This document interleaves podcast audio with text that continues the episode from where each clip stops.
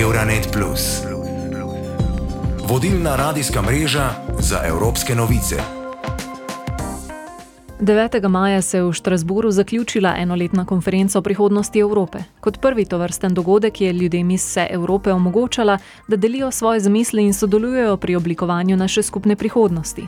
Na vrsti razprav, ki so jih vodili državljanke in državljani, je sodelovalo več kot 600 tisoč evropejcev, ki so podali 17 500 predlogov in idej o razvoju EU na številnih področjih. Predstavniki evropskih državljanov in odločevalcev z vseh ravni oblasti so na to predloge v seriji razprav preoblikovali v konkretne predloge ukrepov. Pa je med mladimi konferenca sploh vzbudila zanimanje.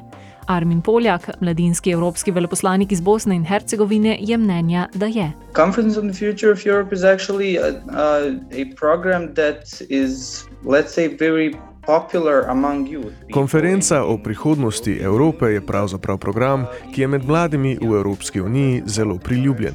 Tudi mladi iz Zahodnega Balkana v tem resnično uživamo, čeprav nismo toliko povezani s tem.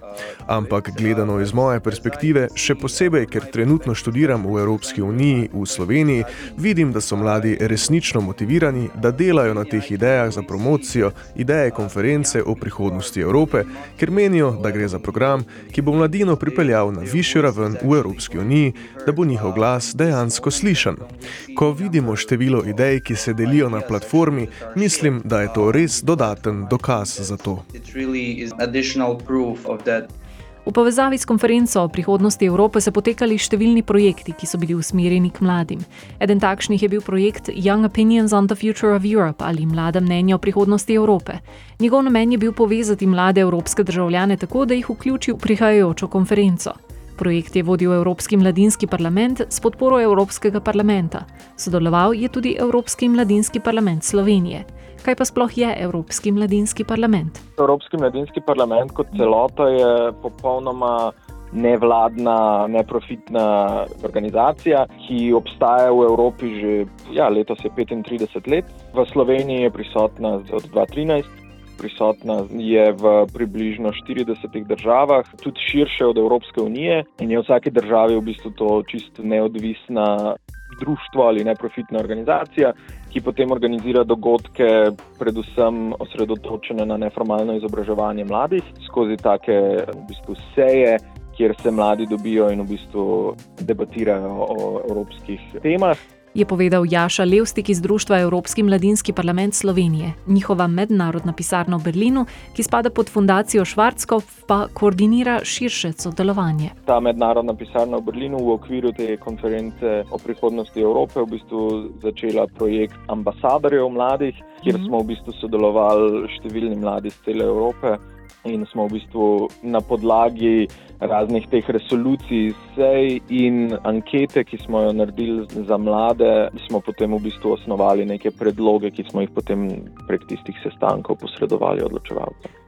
In če se vrnemo k konferenci o prihodnosti Evrope, kaj je Poljak izpostavil kot glavne teme ali pa točke, ki so jih mladi izpostavili v okviru konference o prihodnosti Evrope? To mi je bilo pravzaprav zelo zanimivo, ker sem mislil, da ker je recimo veliko teh mladih ljudi, ki delajo na teh idejah, študentov ali da so nekateri izmed njih kvečemu šele nedavno vstopili na trg dela, sem mislil, da bo veliko idej strogo povezanih z mladimi, a pravzaprav ni bilo tako. Mnogi med njimi so ustvarjali ideje, ki so povezane z vprašanji, ki so pomembna ne le za prihodnje generacije, ampak tudi za celotno prebivalstvo Evropske unije. Seveda je bilo res veliko drugih idej, ki so povezovali študente po vsej Evropi. Opazil sem na primer eno idejo, ki jo je navdihnil slovenski študentski sistem, ki je povezan s študentsko prehrano. Predlagali so idejo, da bi imeli študentske bone na evropski ravni za vse Erasmus študente na celini. To se mi je zdela zelo dobra ideja. Nekatere druge ideje pa bi bile koristne večjim različnim populacijam po celini. Naprimer, skupina študentov se je ukvarjala z legalizacijo marihuane v medicinske namene, kar je, recimo, sporna tema, a je res pomembna in je, recimo, moderna ideja. Torej, veliko različnih idej, ki so res kreativne, resnično podpirajo spremembe, ideje, ki poskušajo dvigniti Evropsko unijo na, recimo, višjo raven in ideje, ki poskušajo dokazati, da so mladi ljudje tu. Tu poskušam ne uporabiti klišejskega stavka in reči, da so prihodnost Evropske unije, ampak res so. In mislim, da so s temi številnimi idejami na konferenci o prihodnosti Evrope to res dokazali.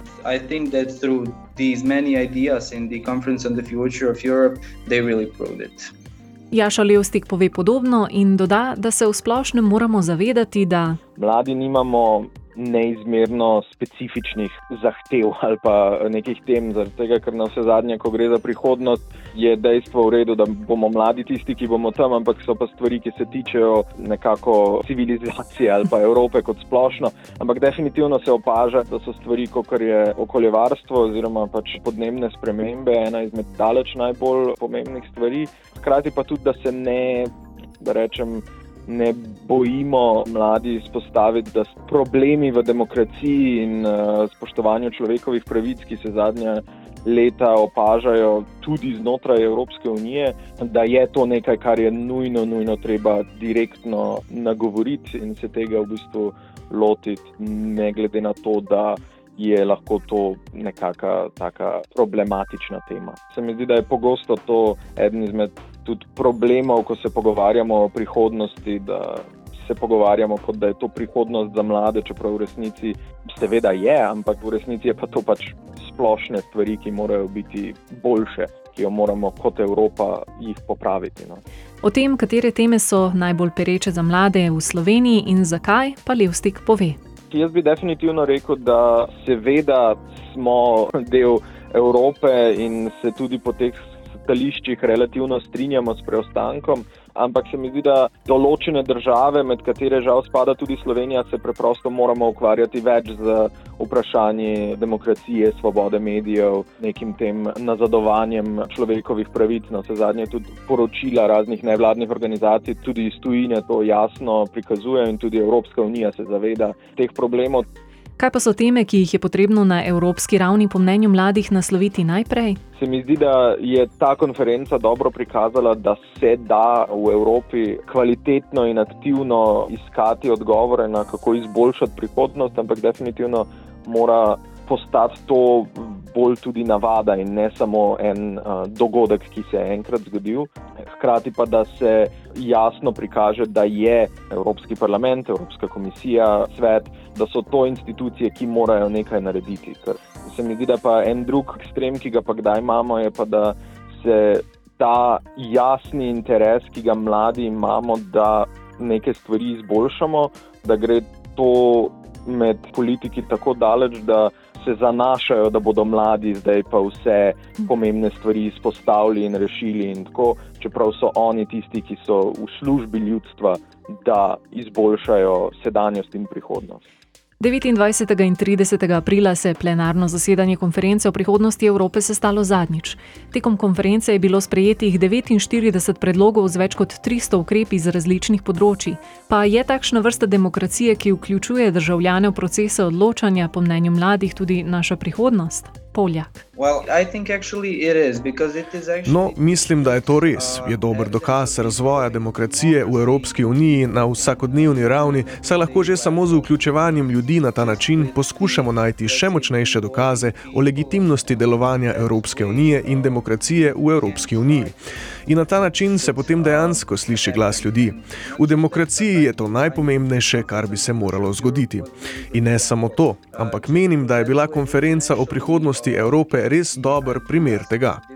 Samo na tak način lahko dejansko dobimo ideje za različne politične programe in zakone, ki bi jih morali oblikovati in ki so pravzaprav zelo pomembni. Ne le pomembni, ampak celo ustvarjalni, saj lahko na ustvarjalen način, kjer razpravljajo in ustvarjajo različni ljudje iz različnih delov Evropske unije, dejansko razvije celoten sistem Evropske unije.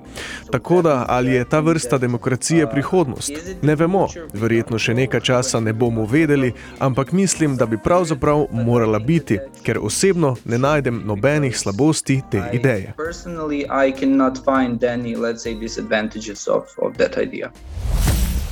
Euronet Plus za boljše razumevanje Evrope.